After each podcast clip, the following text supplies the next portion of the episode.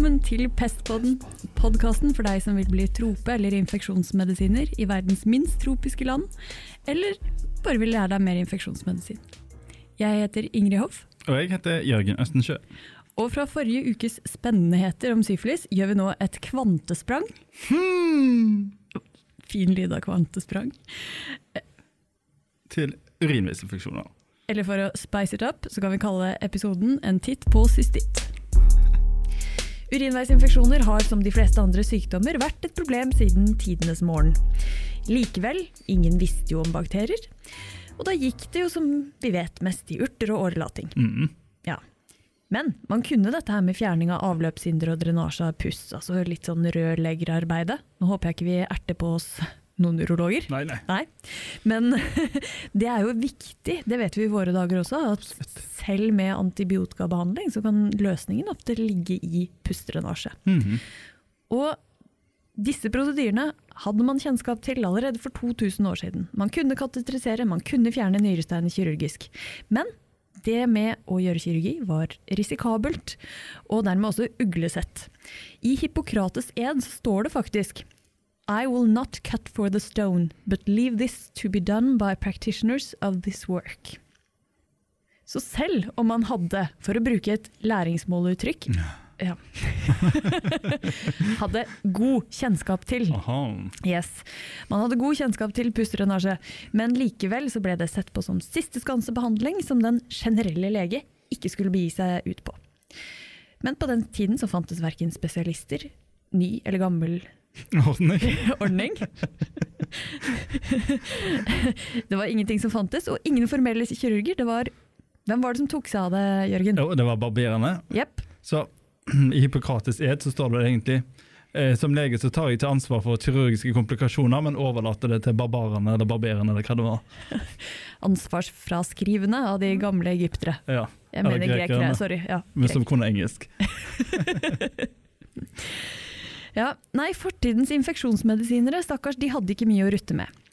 Men vi kan jo nevne at myrra, Gullrøkelsmyrra ofret de. det var et av midlene de hadde å spille på.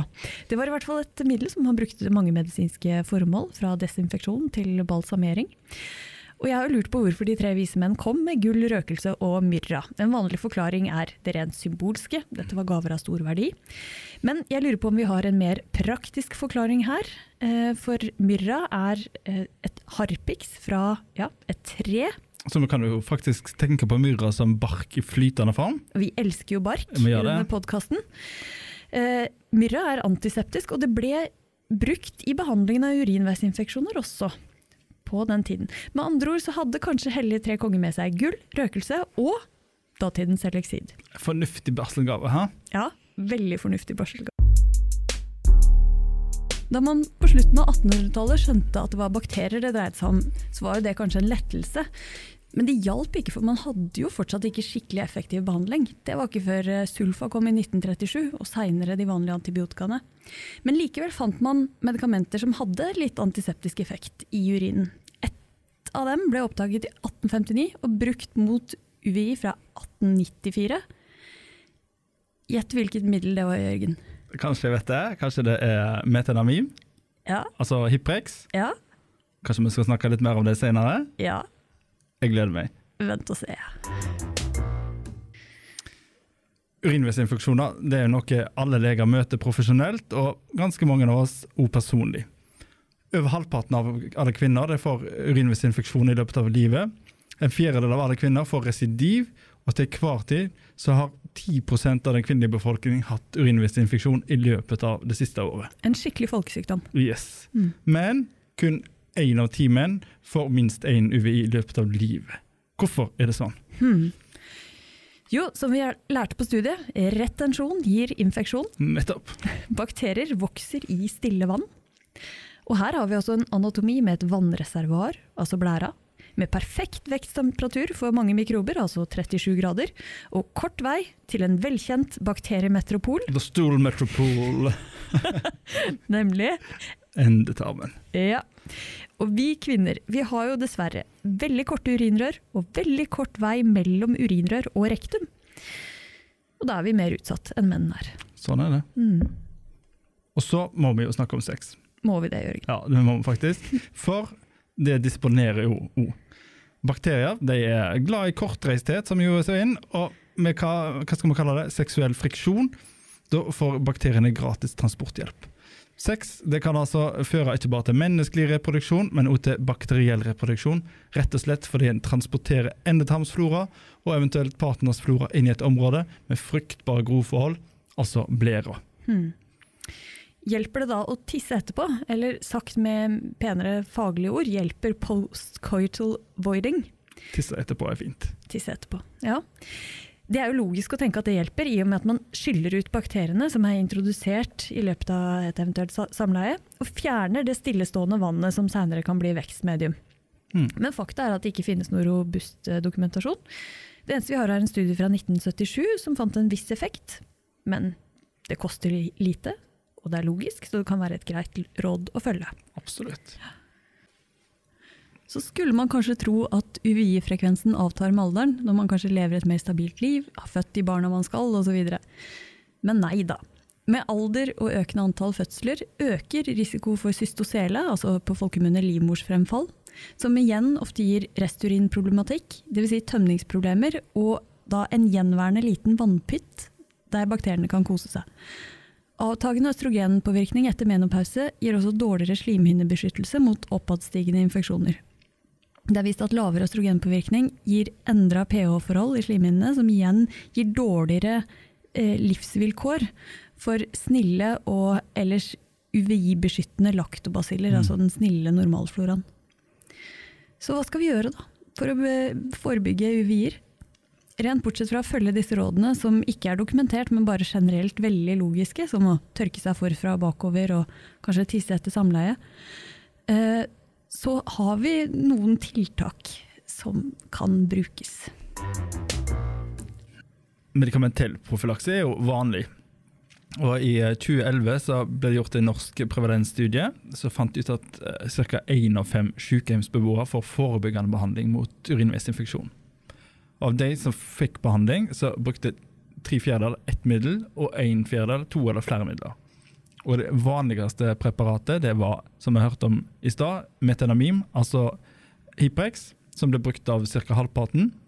Og det ble fulgt av vitamin C, peroralt østrogen, tranebær, vaginalt østrogen, og så eh, antibiotikaene trimetoprim og nitrofurantoin.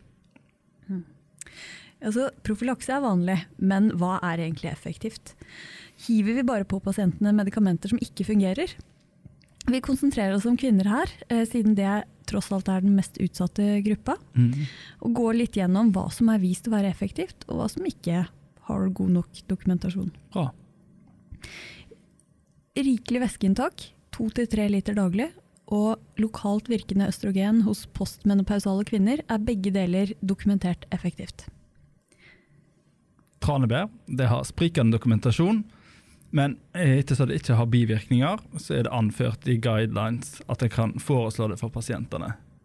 Men det er ganske surt, og du må tylle i det ganske store mengder, så jeg ville hatt lav terskel for å la være om en blir sur i magen eller tom i pengepungen. Og så har vi jo Hiprex, som jeg tidligere har lovt å komme tilbake til. Ja. Du gleder deg nå? Ja, ja, det har jeg gleda meg til. For uh, dette er interessant. Bruken av Hiprex er eh, høy i Norge. Vi har det høyeste Hiprex-forbruket i verden. Det utgjorde 30% av brukte antibakterielle midler til systemisk bruk, ifølge sist normrapport. Hva er egentlig Hiprex? Spør du kanskje? Det spør jeg. Hva ja. er egentlig Hiprex? Ja. Vil du svare på det også, Jørgen? Nei, det tror ikke jeg. Nei, Skal jeg svare på det? Kanskje det? Ja. Hiprex er altså en blanding av metenamin og hipursyre, også kalt hydrat. Mm -hmm. Virkestoffet det er metenamin, som i sure miljøer omdannes til formaldehyd. Formaldehyd sammen med vann er også kjent under et annet navn, som kanskje mange drar kjensel på, nemlig formalin. Mm -hmm. Formaldehyd virker med andre ord antiseptisk, bakteriedrepende. Fordelen med Hiprex er at det er ikke resistensdrivende. Ulempen er at det krever en veldig lav pH i urin, lavere enn 6, og helst ned mot 5,5 for at det skal ha noen effekt. Mm. Og så krever det en virketid i blæra, eh, sånn at pasienter med kateter eller veldig hyppig vannlating, de vil nok ikke ha effekt av Hyprex. Og Dessuten så kan kolonisering med en del bakterier som protus, klepsiella og pseudomonas gi basisk urin, og dermed forsvinner jo effekten av Hyprex. Og så enda et moment er at Hyprex og Bactrim ikke skal brukes sammen, da det gir, kan gi krystallutfelling. Ved nyre- og leversvikt skal man passe seg, og ved nyresvikt kan man også få krystallutfelling hvis GFR er under 50. Så i tillegg til den eh, formaldehyden, så var hypursyra, ja. og den gir en for å få lav pH. Ja, Yes, sånn at metanamin skal omdannes til aktiv metabolitt. det har du. Ja. Så, men eh, dette er jo et gammelt middel. Sant? Fra 1894 har det vært i bruk. Ja. Da må vi vel ha masse forskning og god dokumentasjon på dette. Ja, det skulle du tro. Ja. Ja. Det har vi jo ikke. Nei. ja, dokumentasjonen er litt mangelfull, for vi har en Cochrane Review fra 2012 som består av mange mindre heterogene studier. Eh, og en RCT fra 2022 som viste non-inferiority i forhold til vanlig kontinuerlig antibiotikaprofylakse. Eh, men pasientantallet var lavt i den eh, RCT-en. Og når det gjelder den Cochrane-reviewen, så var det også mange heterogene studier med varierende kvalitet.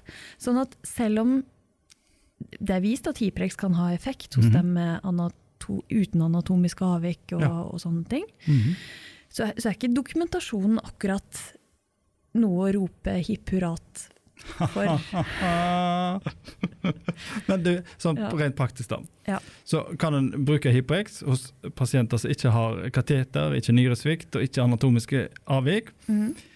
i en periode på tre måneder, og så evaluere responsen underveis. Yes. Evaluere er kjempeviktig.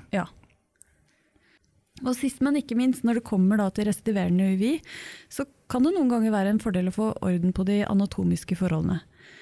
Eh, Det har skjedd mer enn en gang at pasienter har blitt henvist til infeksjonsmedisinsk poliklinikk for residiverende UVI, og så har problemet løst seg idet man har fått kobla urogynekologene på, som da har løst resturinproblemet. Eh, Andre underliggende diagnoser, som f.eks. type 2-diabetes, som kan disponere. Eller annen årsak til dys- og polakysuri. For her må vi huske på at det er jo flere andre organer nede i bekkenet som kan gi lignende symptomer som UVI. Eh, og da må vi passe oss så vi ikke overser de andre diagnosene. Mm. Nevrogen blær og sånne ting.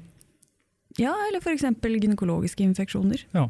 Mm, Du kan godt ha asymptomatisk bakteriuri, Mm. og så henger du alle symptomer på det. Men det skal vi snakke mer om seinere. Det gjør vi. Ja.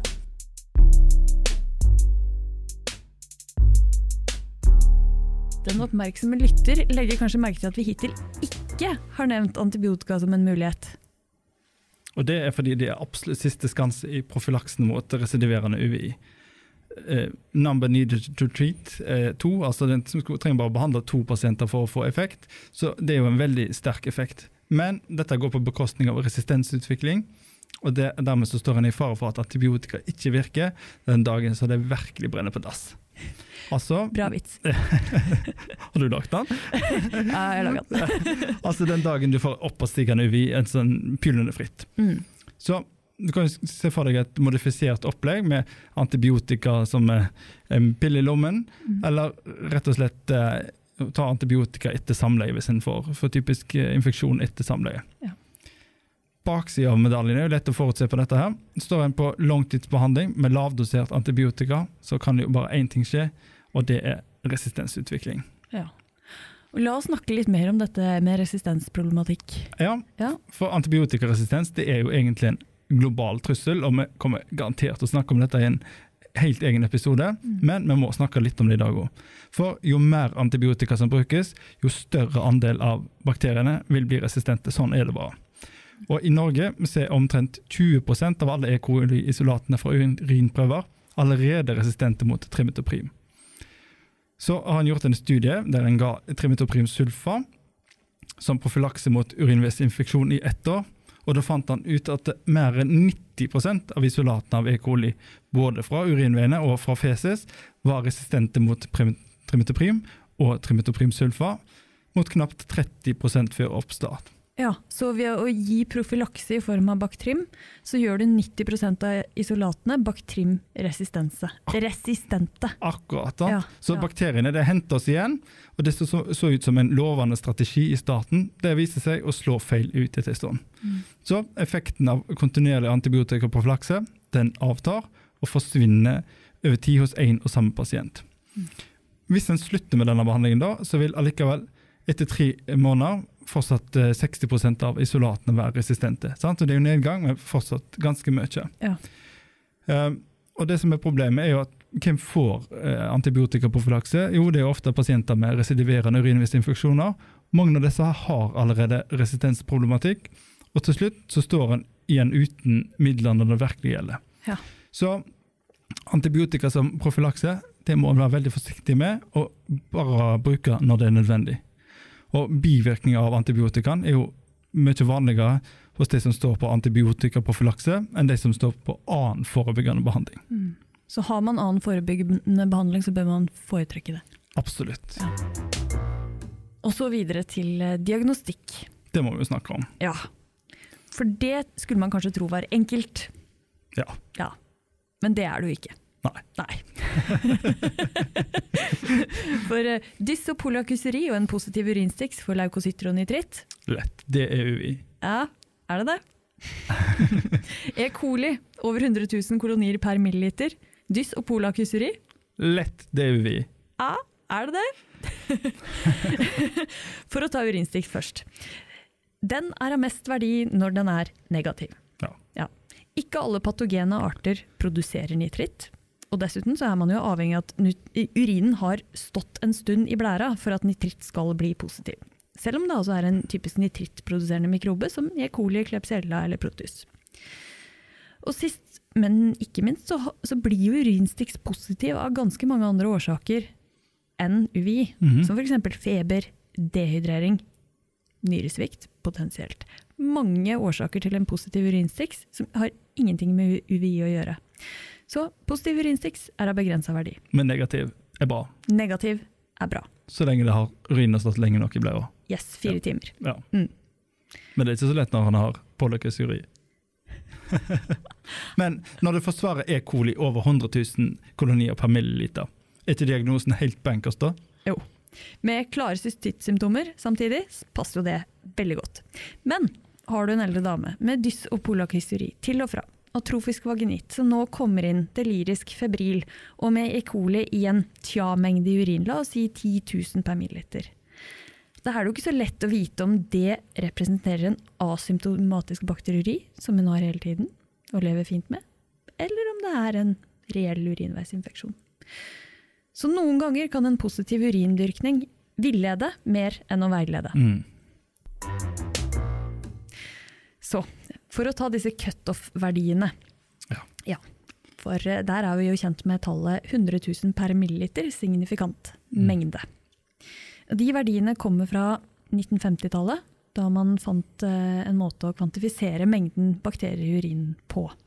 De er satt rett og slett sånn at vi eh, skiller bedre mellom bakterier som er kolonister, eller del av normalflora, og bakterier som har gått bananas og laget en infeksjon og vokser i en renkultur med stor bakteriemengde. Mm. For å si det litt enkelt. Ja. Ja. Eh, Men her er det flytende grenser, og det har vist seg de siste årene at eh, en bakteriemengde når det gjelder en pato primærpatogen som E. coli, et eh, bakterietall på 100, kanskje kan være signifikant. Ja. Ja, hvis prøvene er tatt riktig, og hvis symptomene passer. Mm. Så her er grensene flytende. Men generelt så gjelder regelen at hvis du har et, eh, en bakterie som er et primærpatogen, type E. coli Eller Klepsiella. Klebsiella er faktisk på sekundær Er det. Ja, det har du den, ja. Ja, det er det. Da har du den igjen. Ja, det, her er ikke lett. Nei. Men uansett, poenget er at jo mer lavpatogen mikroben du finner i urin er, jo større, jo høyere bakterieantall kreves for å kunne tilskrive den mikroben noen klinisk signifikans, og si at dette er en eh, UVI, dette passer med UVI. Men hvis du har en mer patogen mikrobe, så kan du justere ned det tallet fra 100 000 per milliliter. Så kan du justere ned det tallet litt og tilskrive mer verdi til en lavere, et lavere tall. Så dette er sannsynlighetsberegning i praksis, på en måte? Yes, Ja. det er det der. Mm. Ja. Og så til sist. Vi har vel alle hatt en pasient med tydelig klinikk og funn forenlig med pylnefritt, bankeøm og febril. Men så får vi dyrkningssvaret tilbake, og det finnes ikke noe mer frustrerende enn å få svaret blandingsflora. Hva har skjedd? Ja, hva har skjedd? Høyst sannsynlig så har man fått en ikke-representativ prøve. Og prøven som godt kan inneholde en patogen mikrobe. Den er kontaminert av så mye annen flora at det blir umulig å skjelne ut den bakterien som faktisk betyr noe. Ser ikke skogen for bare trær. Akkurat. Mm. Og det er ofte det som skjer når en prøver å få en representativ prøve på et eh, bekken i akuttmottaket. Ja. Funker dårlig. Funker dårlig. Så til asymptomatisk bakteri. Ja, I tidligere tider så trodde man at det å behandle asymptomatisk bakteriuri ville forhindre diagnosen kronisk pylnefritt, som på den tiden ble sett på som en vanlig årsak til nyresvikt. Men så har det vist seg at det histologiske bildet av kronisk pylnefritt egentlig er endestadiet av ganske mange forskjellige nyresykdommer, altså ikke konsekvens av bakteriell infeksjon. I en tidlig studie på 1980-tallet så så man at barn som hadde fått behandling for streptokokkhals med henholdsvis penicillin eller erytromycin, eh, der fikk barna som hadde fått penicillin en høyere forekomst av pylon pylonefritt i etterkant av denne penicillinbehandlingen enn de barna som hadde fått erytromycin for den samme streptokokkhalsen. Altså, de fikk ikke infeksjon med, med streptokokker i urinen? Nei, nei, det, det var urinveispatogen, det var gram-negative. Ja, ok, Ja, ja, ja. helt ny mikrobe. Mm. Veldig rart. Um, og, og hva er grunnen til at det ble sånn, tror du?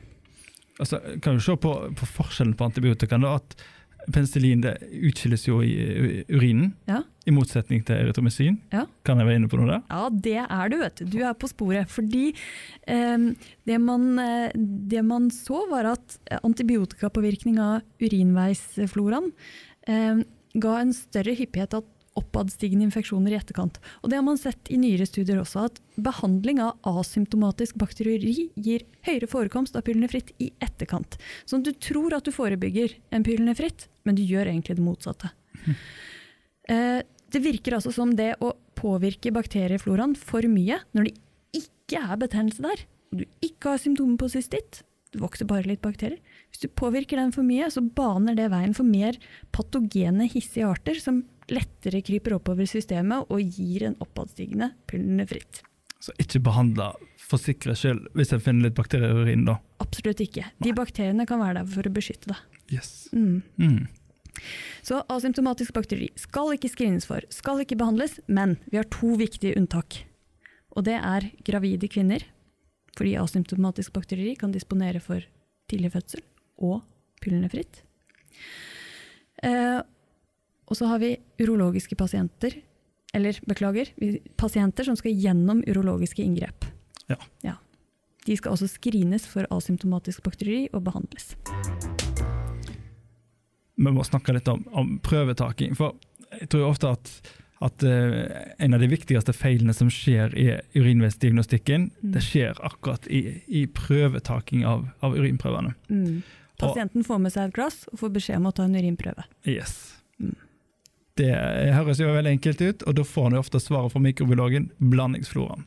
Og her tror jeg fort at ting glipper. Mm. For hvis vi tar oss eh, tida til å instruere pasienten, Mm. så tror jeg vi får eh, mye bedre svar. Mm. Og det aller beste for pasienten, det er å kunne ta, ta urinprøven sjøl, Mm. og instruere i en god midtstråleprøve. Ja, og hvordan gjør vi det? Jo, jeg må vaske litt, Mm. Og så må en trekke forhuden tilbake, Mm. tisse litt i do, Mm. så tisse midtstrålen i koppen, Mm. og ta resten i do. Ja. Ferdig arbeid. ja. Enkelt og greit. Veldig enkelt. Og for kvinner så gjelder jo akkurat det samme. Vaske godt.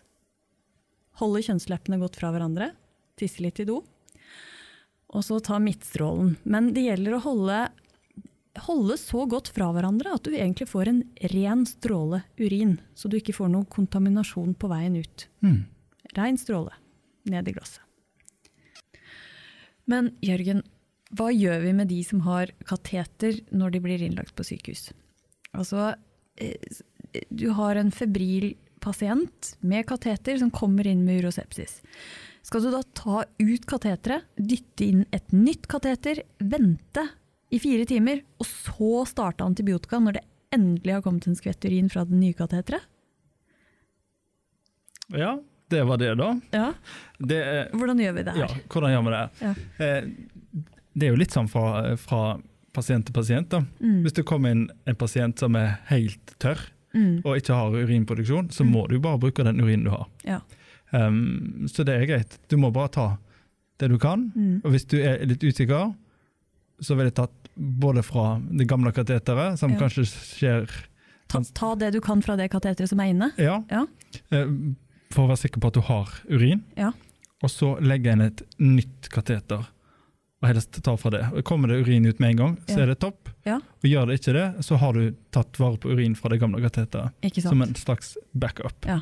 Veldig lurt. Mm. Eh, Å vente i fire timer på å ta en urinprøve, mm, det er ikke alltid så lurt hvis du har en dårlig pasient. Har du ikke en dårlig pasient, så er du kanskje ikke akuttmottaket, da. Mm. Um, Men da kan en kanskje vente, da. Mm.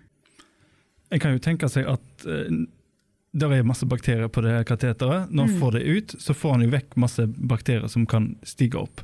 Samtidig så er det masse bakterier i urinen. Mm. Det kan jo kolonisere det nye kateteret.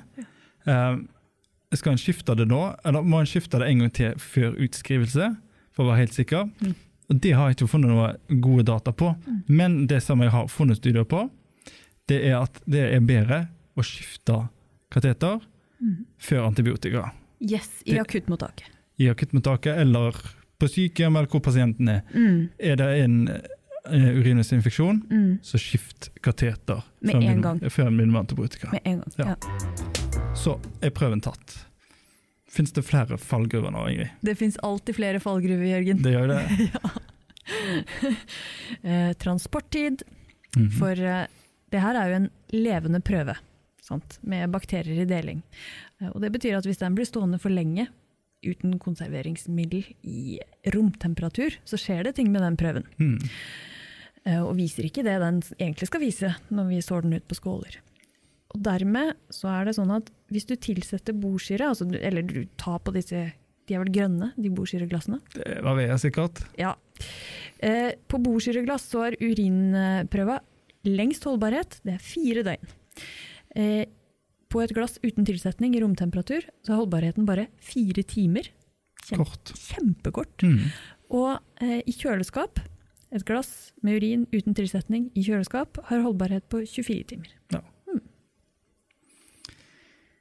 Så eh, kanskje et, eh, et sånn filosofisk og banalt spørsmål, da. Men hvorfor i all verden skal man behandle disse urinveisinfeksjonene? Og er de i det hele tatt nødvendig? Hvorfor har vi den podkasten her, Ja, egentlig? har vi egentlig? Forstår ikke. Men er det noe hensikt å behandle? Ja, det kan du si. Fordi vi vet at veldig mange cystitter går over av seg selv. Nettopp. Ja. Og hva er hensikten med å behandle da? Jo, Symptomlindring? yes, forkorte sykdomsforløpet. Det er plagsomt å ha urinveisinfeksjon. Veldig plagsomt. Ja. Og så tenker vi kanskje at vi forhindrer et par oppadstigende infeksjoner også. Ja, gjør det. Spare folk fra, fra å få en pillene fritt. Gjør man det? Ja, det kan man spørre seg. Fordi det er en eh, registerstudie fra Sverige, fra, publisert i 2022, som eh, viste at det å ikke gi antibiotika for cystitt, ja, det øker risikoen for å få pillene fritt. Men det er veldig små forskjeller i forhold til de som har fått antibiotika. Eh, I den studien så fant man altså at, som, at 30 dagers risikoen for pillene fritt eh, hos dem som hadde fått antibiotika for sin cystitt, var 0,24% For de som ikke hadde fått antibiotika for sin cystitt, så var risikoen 1,43% Ikke veldig stor forskjell. Risikoen er generelt sånn ca. 1 hvis du har cystitt for å få pillene fritt. Det er veldig lavt. Det er ganske lavt, Og veldig mange av de som får pillene fritt, har jo ikke hatt cystittsymptomer i forkant. ikke sant? Mm. Og de går du glipp av i den studien her, da. Ja, ja. Ehm, men kunne man kanskje ha behandla en cystitt med symptomlindring med NSIDES, kanskje? Hadde det vært en idé? Det høres jo veldig smart ut, hvis Ja. den ikke får oppadstigende infeksjoner likevel. Ja. Det har man jo forsøkt, da, og trodde at eh, det, det hadde lovende resultater. Det så ut som Mensides skulle være et godt alternativ til antibiotika. Jeg har hørt men. Men! Det er alltid et men. Ja, det er det. Ja. Ja, så var det en norsk studie hvor man, eh, hvor man viste at eh, man sammenligna en gruppe som fikk NSIDES, en gruppe som fikk antibiotika. Dette gjelder altså akutt ukomplisert cystitt. Mhm. Og i den gruppen som bare fikk NSIDES, så ble halvparten spontant friske. Ja. Men den andre halvparten i den gruppa, de eh, trengte antibiotika etter hvert likevel. Og de så en overhyppighet, selv om det ikke var halvparten, da. Men de så flere tilfeller i gruppa som bare fikk NSIDES av pylnefritt. Ja. I motsetning til den andre gruppa. Så konklusjonen etter den studien var at NSIDES ikke er å anbefale for akutt cystitt. Så kanskje det å dempe kroppen sin eh, inflammasjonsrespons ikke er så lurt. Det kan du si. Ja. Mm. Men en vent og se-resept det kan kanskje være fornuftig. Tror du ikke det? Jo. Ja, Det er jo det vi ofte anbefaler også. sant? For Mm. da gir det rom for at UVI-en kan gå over av seg selv. Og så sikrer du at pasienten har eh, resept hvis han ikke går over seg sjøl. Ja, Ja. helt riktig. Men generelt så bør vi jo være litt kritiske til diagnosen UVI, Ja. gjør vi ikke det? Jo, og ja. det er nok veldig mange, og spesielt eldre og eldre kvinner, som behandles eh, for urinveisinfeksjon på veldig tynt grunnlag. Mm. For det første så er jo asymptomatisk bakteri det vanligst hos de eldre, og ca. halvparten av eldre på sykehjem de har asymptomatisk bakteri. Mm. Veldig vanlig. Ja. Så det at det finnes bakterier i urinen, det er ikke nødvendigvis så farlig, og det skal ikke alltid behandles. Så er det det at mange eldre de får diffuse symptomer, eh, og så finner en samtidig tegn til bakteriuri. Eh, og da er det veldig lett å skylde på urinveisinfeksjon som årsak. Sant? Her er det kanskje bare en samvariasjon og ikke en kausalitet. Så kanskje så bør en ikke være så rask til å hoppe på diagnosen urinveisinfeksjon hos eldre når de har diffuse symptomer, selv om det kan stemme. Ja. Så faren er at dette her blir en sånn selvforsterkende bekreftelsesfelle. Mm. eh, At vi finner bakterier i urinen. Aha, dette er en urinveisinfeksjon. Mm. Eh, Og så hopper vi til konklusjonen Mm. om at symptomene må skyldes UVI. Vi har funnet en enkel knagg å, å knegge det på. Knagg å knegge det på, ja. Ja. Det det. Men kanskje skal en da egentlig vente og se om pasienten har eh, eller får urinveisymptomer. Eller kanskje viktigst av alt, skal vi lete etter andre og gode, andre gode forklaringer. Ja. Det tror jeg er veldig lurt. Eh, og så har det vært en, eh, en studie for ikke så lenge siden med over 1000 eldre sykehjemsbeboere i Norge, i Sverige, Nederland og Polen. Og Bakgrunnen for det det var at det gis altfor mye antibiotika på usikkert grunnlag. Mm. Så delte en disse her opp i to grupper. da. En kontrollgruppe der en fortsatte som, som før. Og så var det intervensjonsgrupper eh, som brukte et sånn antibiotikastyringsprogram med en eh, slags algoritme som gikk ut på en sånn vent-og-se-holdning, monitorere, følge opp pasienter hvis de ikke har spesifikke symptomer på urinveisinfeksjon, og lete etter andre årsaker til, eh, de uspesifikke symptomene. I tillegg så fikk de en sånn eh, slags verktøykasse med ulike undervisningsmateriell å velge i, som, som økte bevisstheten rundt dette der på, på sykehjemmene. Og alt dette for å prøve å redusere antibiotikabruken ved mistanke om eh, urinveisinfeksjon. Eh, og intervensjonen den førte til en halvering av antibiotikabruken. Og det er jo kanskje ikke så rart, for all intervensjon fører, fører jo til en eller annen endring. Eh, men det som er, er stilig her, da, det er at denne halveringen det gikk ikke utover pasientsikkerheten. Det var altså ingen forskjell mellom gruppene når det gjaldt komplikasjoner, sykehusinnleggelser eller dødsfall etter urinveisinfeksjon. God diagnostikk fremfor antibiotika. Yes. I Norge er vi så heldige at vi fremdeles har relativt smale midler til bruk for det vanligste urinveispatogenet. Bare 6% av E. coli i urinen er resistente mot meselinam.